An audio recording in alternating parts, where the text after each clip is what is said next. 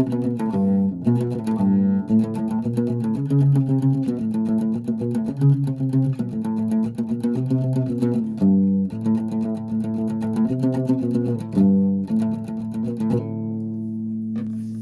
أن يكون معي في هذه الحلقة الصحفي الأستاذ مصطفى الأعصر. مصطفى معي من بيروت. ونتحدث عن ثلاث سنوات ونصف مع التدوير أي تنتهي حبس الاحتياطي لعامين في مكان يبدأ في مكان آخر أحيانا يزيد حتى الحبس الاحتياطي عن السنتين حسب القانون. وكأنه قانوني أن يحبس الناس بدون محاكمة لهذه الفترة الطويلة. أستاذ مصطفى مرحبا بك وكل عام وأنتم بخير.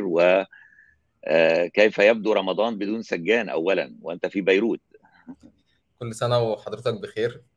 وأكيد رمضان بدون سجان أحسن كتير من رمضان بالسجان رغم إن في الحقيقة شوية في بعض التشابه يعني من حيث إن أنا بعيد عن أهلي كمان في مصر فمحروم إن أنا أكون موجود معاهم في في هذه الأيام. فيعني ده الجزء الوحيد يمكن الشبيه.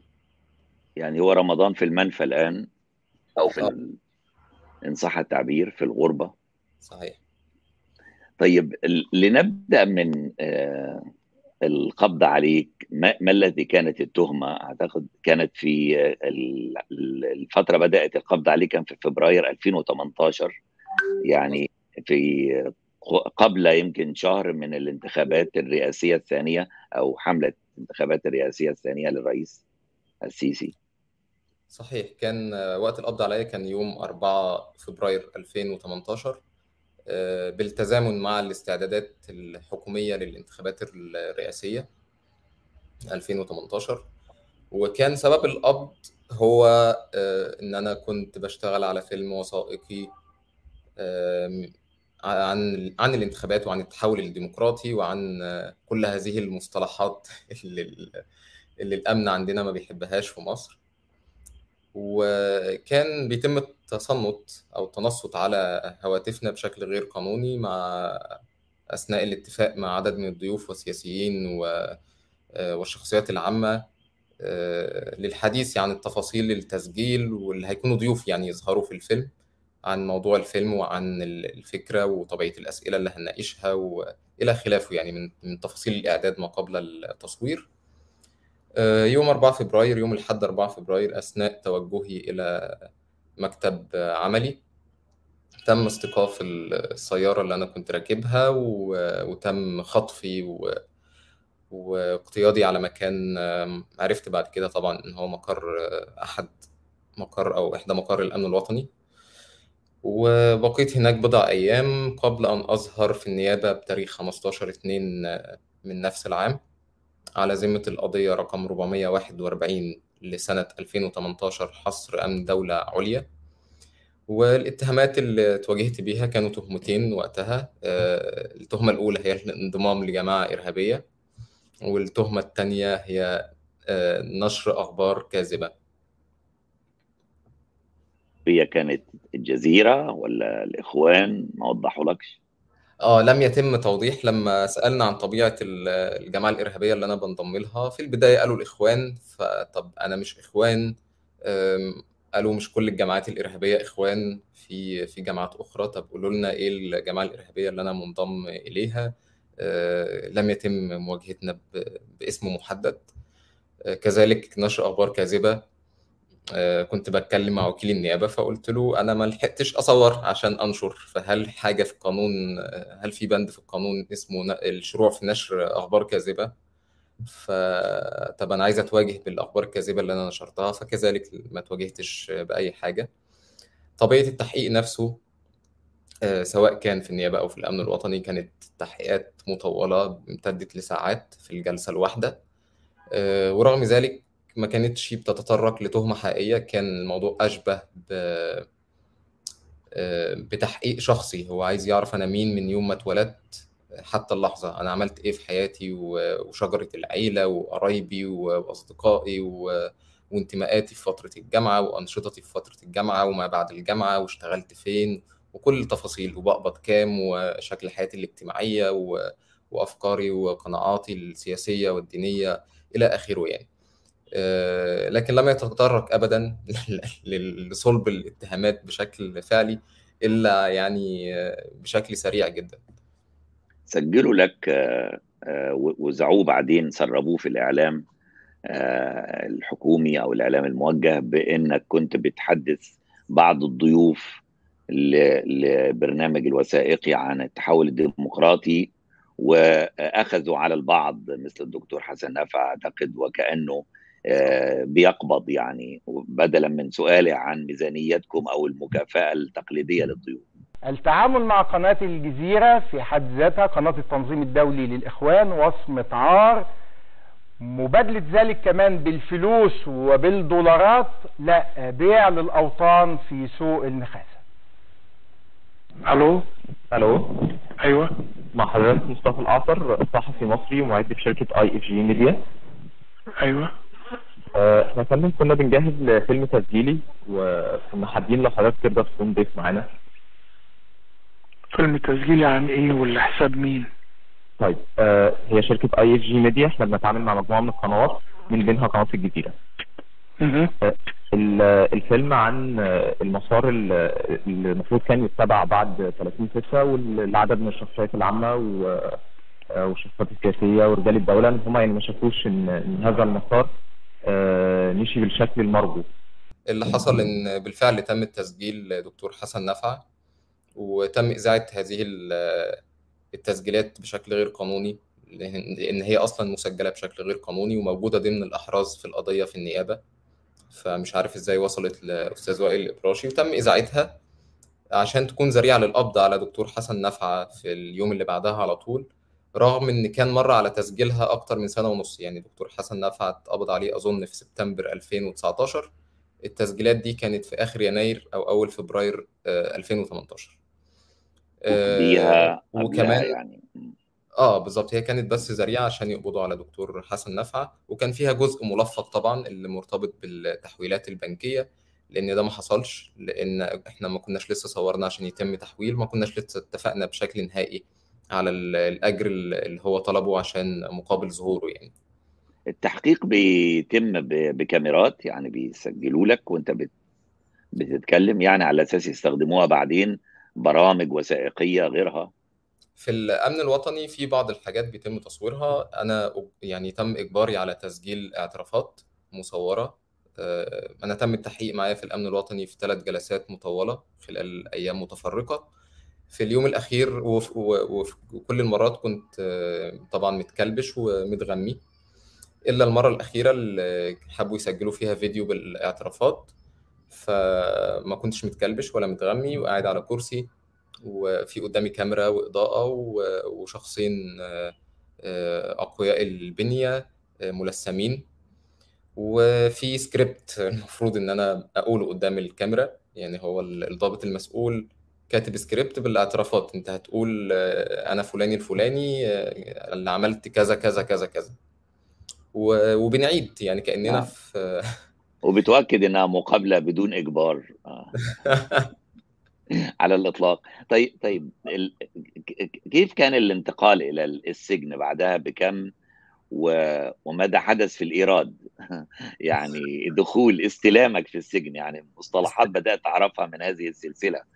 آه, آه، رحت على السجن يوم 21 2 بعد ما اتحقق معايا أكتر من مرة في النيابة واستكملوا التحقيقات. تم ترحيلي على سجن ترى تحقيق. آه، ده الاسم اللي هو الشهير بيه اسمه الرسمي سجن القاهرة للمحبوسين احتياطيا. وهو أحد سجون منطقة ترى أو مجمع سجون ترى وده السجن اللي قضيت فيه أغلب فترة حبسي قعدت فيه أكتر من سنتين. أو سن آه أكتر من سنتين صحيح. آه، فترة الإيراد هي طبعا بندخل السجن فمعروف التشريفة يعني إن آه، إن لازم نتقابل بالإهانات وبتقطيع الملابس و آه، وإن نبقى وشنا في الأرض وإيدينا ورا ظهرنا وإحنا بنكلم رئيس المباحث وكل التفاصيل الغير أفضل حالا في تشريفات ضرب يعني آه. لكن أنت بالنسبة لك ما حدث ضرب في التجريفه يعني. بالنسبة لي ما ما حصليش ضرب في التشريفة بس كان في ناس مترحلين معايا حصل لهم ضرب. نعم. آه، بس ما كانش ضرب عنيف برضو لل... بس في النهاية ضرب يعني في النهاية انتهاك. نعم.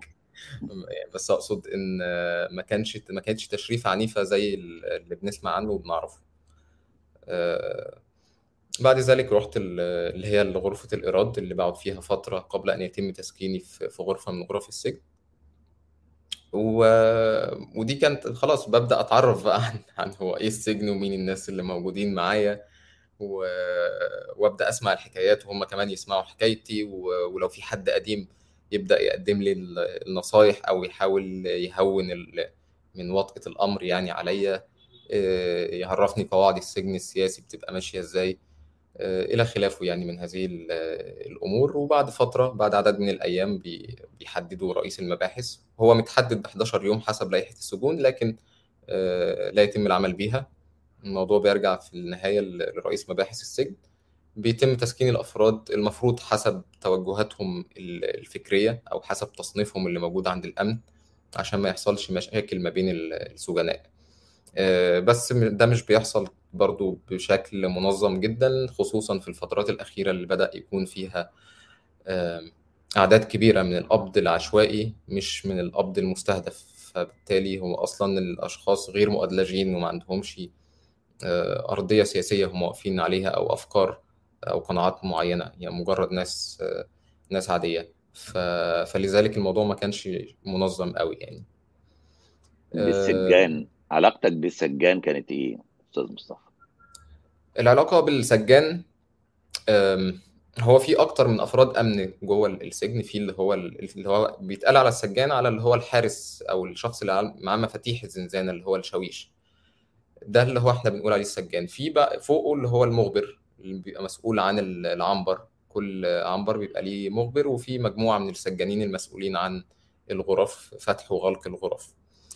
العلاقة مع السجان بتكون حسب السجان. بمعنى إن في آه، أشخاص من السجانين هم بطبعهم مؤذيين بطبعهم عندهم جزء سادي في شخصيتهم هو بيحب يضايق الناس من من بدون أي أسباب. وفي أشخاص تانيين واخدين الأمر وظيفة اللي هو هو موظف فما فيش بإيده حاجة ممكن حتى يكون مش مقتنع باللي بيحصل وعارف إن إحنا مظلومين و وبيشتم في في الحكومة وبيشتم في في النظام وكذا بس من باب إن هو يعني مجبر وهو عارف من وجهة نظره يعني إن إحنا سياسيين فإحنا دول أخطر ناس فما يقدرش يعمل أي حاجة وهكذا. وفي الحقيقة دول بيتم ممكن يتم التعامل معاهم عن طريق ال- الرشاوى اللي بتدفع اللي متمثلة في في أغلب الأحيان بتكون في السجاير يعني اللي هي عملة العملة الرسمية للسجن. من خلال هذه الرشاوى اللي بتدفع بيتم يعني تحسين بعض الشروط في التعامل مع السجان تحسين بعض العلاقة في التعامل مع السجان عشان نتجنب إن تحصل آه، أو نحافظ على حد أدنى من من المتطلبات المعيشية يعني داخل ال- السجن. وكمان ده مش بيحصل في كل السجون طبعا بحب دايما أكد على هذه النقطة إن السجون مختلفة تماما كل سجن هو ليه شروطه وقواعده الخاصة بيه فأنا بتكلم من منطلق شخصي تماما من من منطلق تجربتي يعني. الأكل اللي بيدخل المسجون ما هي طبيعته؟ آه، في غير رمضان وفي رمضان. أعتقد أنت قضيت بالشكل دوت أربع رمضانات في السجن. يعني آه، 2018 دخلت في فبراير آه، طلعت في يوليو 21 يعني آه، 18 19 20 21 صحيح مظبوط. يعني أكتر واحد رمضنت يعني. ربما في أغلبية الذين استضفتهم أو سأستضيفهم. أها. أم، طبيعة الأكل اللي هو الأكل الميري اللي بيسموه التعيين ما بتختلفش كتير ما بين رمضان وغير رمضان. يعني هي نفس الكميات نفس ال- درجة ال- الجودة أو درجة ال- الرداءة أه، بتختلف فقط المواعيد مواعيد تسليم الأكل لأن في رمضان في سحور في في إفطار فبيسلمونا ال- الأكل شوية في مواعيد تتناسب مع مواعيد ال- الصيام. أه، طبيعة الوجبات المفروض بيكون في جدول محدد للسجين بالوجبات الأسبوعية الفطار والغداء والعشاء والكميات وكذا لكن طبعا كمان هذا الجدول لا يعمل به. آه، جودة الأكل بتختلف من سجن لآخر لأن أنا رحت أكتر من سجن فشفت آه، أنواع آه، جودة مختلفة من من الأكل كلها رديئة وكلها سيئة لكن بتختلف درجة هذه الرداءة وبتختلف كمان ال- الكميات ال- اللي بيتم تقديمها. وأغلب ال- السجناء ما بيعتمدوش أو يعني حتى بشكل شخصي أنا وال- والمجموعة اللي كانت معايا في في نفس الغرفة ما كناش بنعتمد ابدا على آه، الأكل الميري. كنا بنعتمد أكتر على الزيارات اللي بتجيلنا كنا بنزور كنا سعداء الحظ يعني ان مسموح لنا بالزيارة. آه ف إيه هو الأكل الميري عفوا على المقاطعة؟ Okay الأكل الميري كان آه، في فول في آه، في يعني هو كل أيام كل يوم المفروض في حاجة مختلفة أو كل يومين بيكون في حاجة فبيكون في بس يعني الأصناف اللي موجودة هو الفول آه، العدس حاجة اسمها أبلونج اللي هي حاجة زي الفاصوليا نوع من أنواع الحبوب ال- المطبوخ يعني المط... آه، بيكون في في رز بيكون في لحوم مرتين المفروض في الأسبوع في آه، في خضار بيكون في أحيانا خضار برضو آه، آه، طماطم خيار بصل حاجات زي كده ليه ليه وطبعا آه، ليه عيش خبز. محتاج واحد يسمع يقول طب وليه محتاجين اكله من بره يعني؟ ما هو. ده زي بالظبط ال- يعني ده ده قريب من اللي بتوصفه لجان حقوق الإنسان اللي, اللي بتروح تفتش آه، على السجون يعني ما عدا الشوى ما عدا ما عدا المشوي يعني. آه. هو ده هو اللي أنا بقوله ده بشكل نظري. آه ده نظري آه. عملي الموضوع شوية مختلف لأن أنا بتكلم على تجربتك أنت آه. صحيح. لأن آه، اولا الكميات لا تكفي بالمرة. جودة الأكل نفسه سيئة أغلب الناس ما بتاكلوش لأن هو فعلا ما يتاكلش. آه، في كمان اللي هو بيسموها الطبخة السوداء اللي هي البتنجان في آه، موجودة كمان في الجيش يعني آه، زي مسقعة بس هي مش مسقعة. مسقعة. آه آه، ال- ال- مثلا اللحوم ما بتكونش مستوية ابدا أصلا. يعني ممكن لو لو في سخان ممكن تقعد بالساعات على على النار عشان بس تستوي وكمان برضو ما بتستويش مش عارفين دي لحمة إيه. آه، الكميات اللي اللي بتقدم قليلة جدا مثلا في الخضار ما بيكفيش ابدا. يعني مثلا ممكن نبقى غرفة زي اللي أنا كنت فيها آه، بيتراوح آه، في سجن طرى تحقيق بيتراوح عددنا مثلا فيها من 10 ل 15 فرد فيكون تعيين من الخضار طماطماية وخيارة. طب هنقسمهم على بعض إزاي يا جماعة؟ حاجات بال... بالشكل ده يعني. فالكميات طبعا محدودة جدا وجودة الأكل رديئة غير ما بيتم التسويق ليه في الجان حقوق الإنسان اللي بتزور السجن ويصوروا أو غيره يعني أو نصيب الشخص في زنزانة مثلا فيها 15 أو 16 واحد لا يكفي ابدا لأنه هو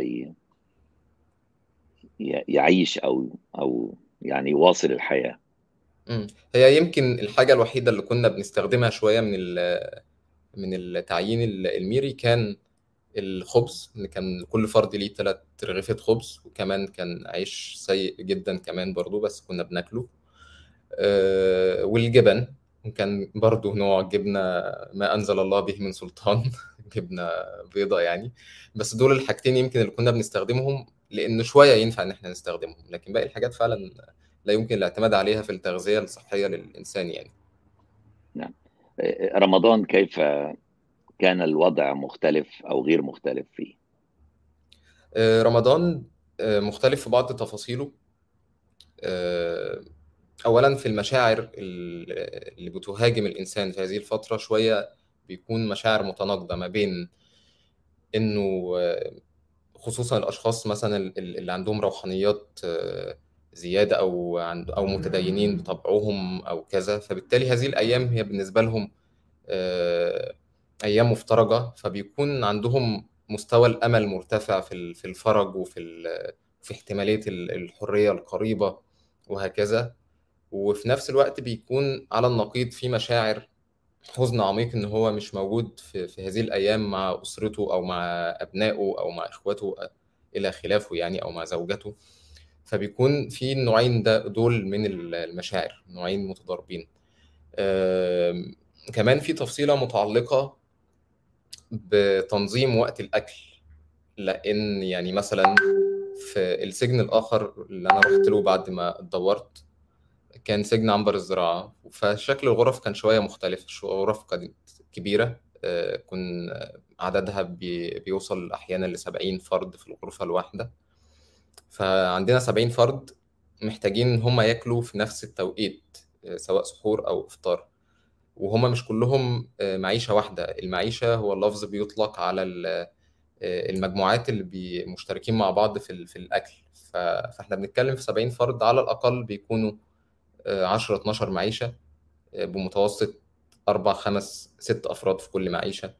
آه، إلى جانب طبعا الأشخاص اللي بيكونوا فرادى لوحدهم مش في معيشة مع حد. آه، فالمفروض العدد ده كله يشتغل على عدد كمان محدود من السخانات. يعني سخان أو اتنين أو تلاتة على أقصى تقدير وكمان على عدد محدود جدا من أدوات الطهي أو الحلل أو غيره. فإزاي يتم تنسيق الوقت ده عشان الناس كلها تفطر؟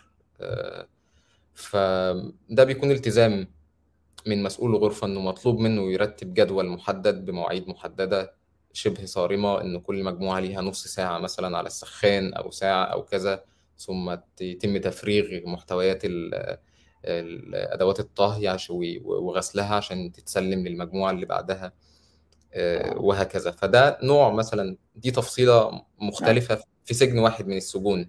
مين اللي آه، بينسق؟ مسؤول الغرفة بيكون آه، سجين. سجين جنائي ولا مش شرط؟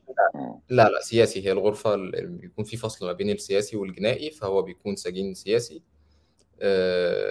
وبيكون يعني بيتم اختياره بشكل من شكلين يا إما السجناء نفسهم هم اللي بيتفقوا على فرد يمثلهم يكون هو مسؤول الغرفة بيتولى مسؤوليتها وبيتولى التواصل مع إدارة السجن وفي بعض الأحيان بيتم اختياره من ضابط الأمن آه، المسؤول عن السجن فالاثنين موجودين ده موجود وده موجود السجان بيختلف في رمضان عن غير رمضان في تعامله معكم أو. كل منظومه السجن أم، في حاجة افتكرتها بتحصل في رمضان يمكن آه، وفي الأعياد كمان. ال- إن هما بيخرجوا الأشخاص ال- اللي في التأديب. لو في أفراد بيقضوا عقوبة في غرف التأديب آه، حتى لو ما خلصوش فترة عقوب- عقوبتهم فبيخرجوهم من ال- من غرف التأديب في الأعياد وفي ال- وفي رمضان. حبس أم، انفرادي في حبس مم. انفرادي بأقل قدر من التغذية وال... وال... وال... والمكان النوم وغيره يعني صح؟ مظبوط. بتكون غرفة ضيقة جدا غير آدمية بالمرة كميات محدودة جدا من التغذية يعني تقريبا رغيف خبز واحد وزجاجة مية وقطعة آه، جبنة. آه، مفيش تهوية مفيش حمام مفيش تريض آه، مفيش ملابس مفيش بطاطين مفيش أي حاجة يعني مفيش أي مظهر من كنتوا مظاهر. بتتطلعوا للعيد اذا يعني بالنسبة لكم العيد بهجة؟ آه، يمكن العيد بهجة لكل الناس ما عدا السجين لأن ظروف العيد بتكون أليمة جدا على السجناء لأسباب عدة. أولها أولها طبعا إن هو بعيد عن أهله. ثانيا إن في الأجازات الرسمية وفي الأعياد بيكون في تشديد أمني على السجن بسبب إن أغلب القوى الأمنية بتكون في أجازات بيقضوا أجازاتهم مع أهلهم وعائلاتهم سواء من الضباط أو أفراد الأمن وكذا فبيتم تأمين السجن بأقل عدد ممكن من الحراسة وبالتالي بيكون في تشديد طيب ما هي آليات هذا التشديد؟ آليات هذا التشديد بتتمثل في منع الزيارات أولا مفيش زيارات في العيد بيكون في زيارات استثنائية بس بتبدأ من تاني يوم على ما أذكر آه، وبتتمثل أيضا في المنع من التريض ده في السجون اللي مسموح فيها بالتريض يعني. فبالتالي هو ال- ال- السجين ال- اللي محبوس اللي كان بيتسمح له بفتح الغرفة نص ساعة ساعة ساعتين كل يوم يخرج بره الغرفة يتمشى آه، لو في مساحة يقدر يتعرض فيها للشمس. حتى هذه المساحة في العيد بيتحرم منها لأيام آه، ممتدة ممكن توصل توصل لتسعة وعشر أيام لو كان قبلها آه، أيام أجازة الجمعة والسبت وبعدها أيام تانية أجازة. ف- فبتكون فعلا أيام آه، حزينة جدا منها إن هو بيقضي العيد وهو محبوس آه، كمان ممنوع من التريض ممنوع من الزيارة فكمان مضطر إن هو يتعامل مع الأكل ال- آه، الميري لو هو يعني مسموح له بالزيارة أقصد. آه، فبتكون فترة أنا ما كنتش بحب الأعياد أبدا في في العيد في الحقيقة. و... وكمان في جملة شهيرة بتتقال عند السجناء السياسيين إن الفرق بين العيدين ما بين عيد الفطر وما بين عيد الأضحى ما بين الفترة القصيرة يعني ما بين العيدين. ثم مع آه، تدهور الأوضاع و- وسوء الوضع المتزايد وزيادة عدد المعتقلين وامتداد المدد ال- مدد الاعتقال. فبدأ السجناء يستخدموا هذا هذه الجملة يعني كنوع من السخرية إن لو الفرج مش ما بين العيدين ما بين العيد الفطر وعيد الأقصى وعيد الفرصه أقل بكتير. آه فهو آه ما بين عيد الأضحى وعيد الفطر من الناحية التانية. طيب أنت خرجت في في أي ظروف خرجت؟ يعني براءة من قاضي إذا كان أصلا أنت هل محاكمة؟ صحيح. آه. حد آه غير رأيه؟ كان في مرتبطة ب- بشيء؟ في الحقيقة ما عنديش معلومات أقدر يعني أقول إن هي السبب لكن عندي تخيلات ممكن تكون الأسباب. آه، الأسباب متعلقة أظن بتغير المشهد نسبيا في إن النظام بدأ يفقد كتير من آه، الداعمين ليه سواء آه، الإقليميين أو ال- على المستوى الدولي إلى جانب زيادة الضغوط الخارجية عليه من في ملف المعتقلين خصوصا يعني معتقلين الصحفيين و- والحقوقيين آه، ومعتقلين ال- آه، اللي في قضايا واضحة يعني قضايا نشر أو غيره. ف وكان الفترة دي مر... كمان مرتبطة ب... بضغوط أمريكية من من الرئيس الأمريكي جو بايدن على النظام المصري في ملف حقوق الإنسان. آه، ولذلك بدأ يحصل المفروض يعني ما يشبه شوية هل هل النقابة سألت عليك آه، في الفترة دي أو النقابة آه، التقت بيك بعتوا مندوب؟ لا لأن أنا أولا أنا مش نقابي وده آه. دايما اللي كان آه، الأستاذ ضياء رشوان آه، بي- بيروج ليه يعني لما الناس بت- بتطالبه بالحديث عن آه، الصحفي مصطفى الأعصر أو كذا أو الراجل مسجون بقاله عدد من السنوات فكان بيقول إن هو مش نقابي مش هقدر أعمل له حاجة. آه، في حين في الحقيقة يعني إن آه، كان الأستاذ خالد البلشي قايم بدور رائع وكان دائم السؤال عليا وكان دائم محاولة ال- الضغط من أجل ال- الإفراج عني. آه، مش بس الأستاذ خالد في الحقيقة كمان عدد من الزملاء اللي كانوا موجودين في النقابة في الفترة دي وما كانوش بيفرقوا ما بين آه، إذا كان صحفي آه، عضو نقابة أو غير آه، عضو نقابة كيف وصلت إلى بيروت حيث رمضان بدون سجان؟ آه آه، لكن هو رمضان في المنفى ربما. صحيح هو رمضان بدون سجان لكن كمان بدون أسرة. آم، أنا في بيروت سافرت من حوالي ست شهور أو أقل شوية. بسبب بعض المشاكل والتضييقات اللي بدأت أحس أحس بيها مرة تانية في الوقت اللي أنا آه، في مرحلة التعافي اللي أنا لسه بتعافى من التجربة وبحاول آه، أعوض السنين اللي ضاعت من عمري في المجال المهني في المجال الأكاديمي في كافة المجالات. فبلاقي نفسي مرة أخرى معرض للخطر فاضطريت إن أنا آم، أروح لأسهل مكان ممكن أروح له وأكون فيه آمن على الأقل إن أنا مش هرجع السجن مرة أخرى حتى لو هواجه بعض الصعوبات آه، المعيشية يعني. كيف تبدو الحياة فيها؟ هل هناك دعم؟ آه، هل عملك بتواصله؟ كيف تتطلع يعني إلى الفترة القادمة؟ في الحقيقة هي فترة ال- الخروج من مصر أول فترة بتكون هي الأصعب. يعني أنا قضيت أول شهر آه، بعد ما جيت على بيروت في حالة نفسية شديدة السوء ثم بعد ذلك الإنسان بيبدأ تدريجيا يتعامل مع معطيات ال- الواقع ويحاول آه، يعني أن أن ينجو لأن هو لوحده تماما في في وطن غريب مش وطنه. فلازم يخلق لنفسه فرص حتى لو الفرص مش موجودة. أم، حتى الآن آه، حقيقة يعني وضعي غير لسه غير مستقر. لكني بتطلع إن أنا ألاقي فرص آه، أكثر استدامة أو آه، أو إن أنا أنتقل آه، لدولة أخرى تكون كمان أوضاعها الاقتصادية وأوضاعها السياسية أكثر استقرارا من لبنان. آه، لكن حتى الآن لسه ما فيش أي شيء أكيد. أستاذ مصطفى أنت كان كتبت يمكن أختم بشيء أنت كتبته من قبل عن تحسين شروط العبودية. ما المطلوب لتحسين شروط العبودية؟ ربما كلمة أخيرة. صحيح.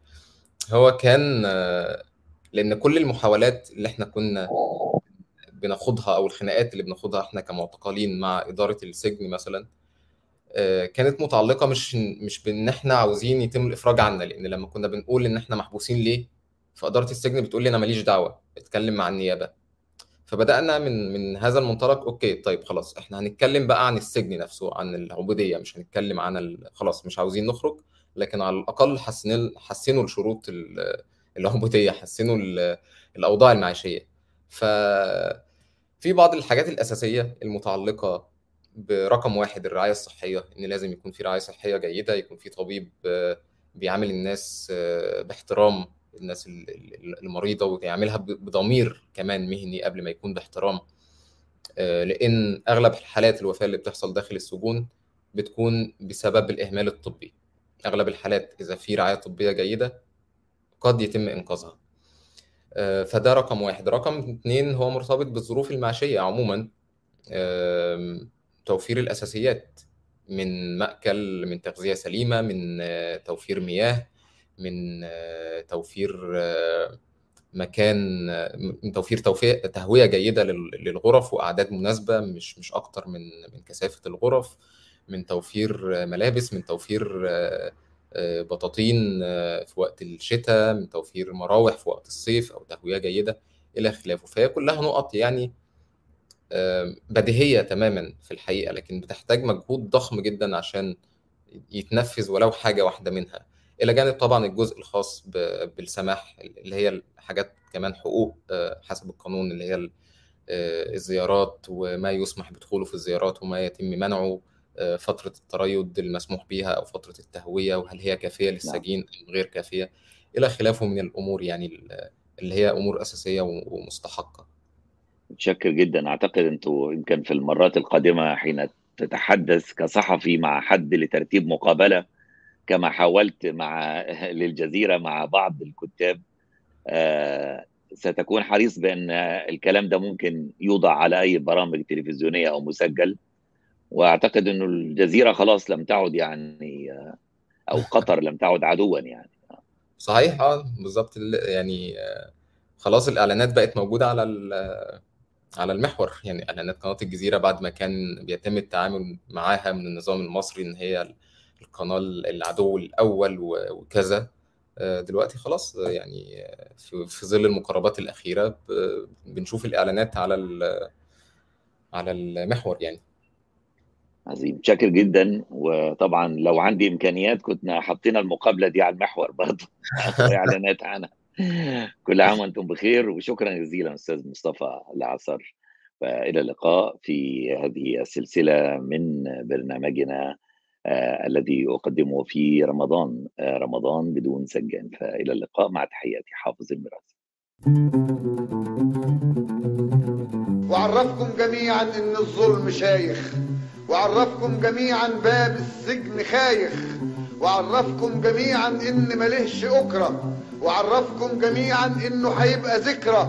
وعرفكم جميعا إن الثورة فكرة. وبشركم جميعا إن الوعد بكرة. والنور عندنا وعندكم يا حبايب.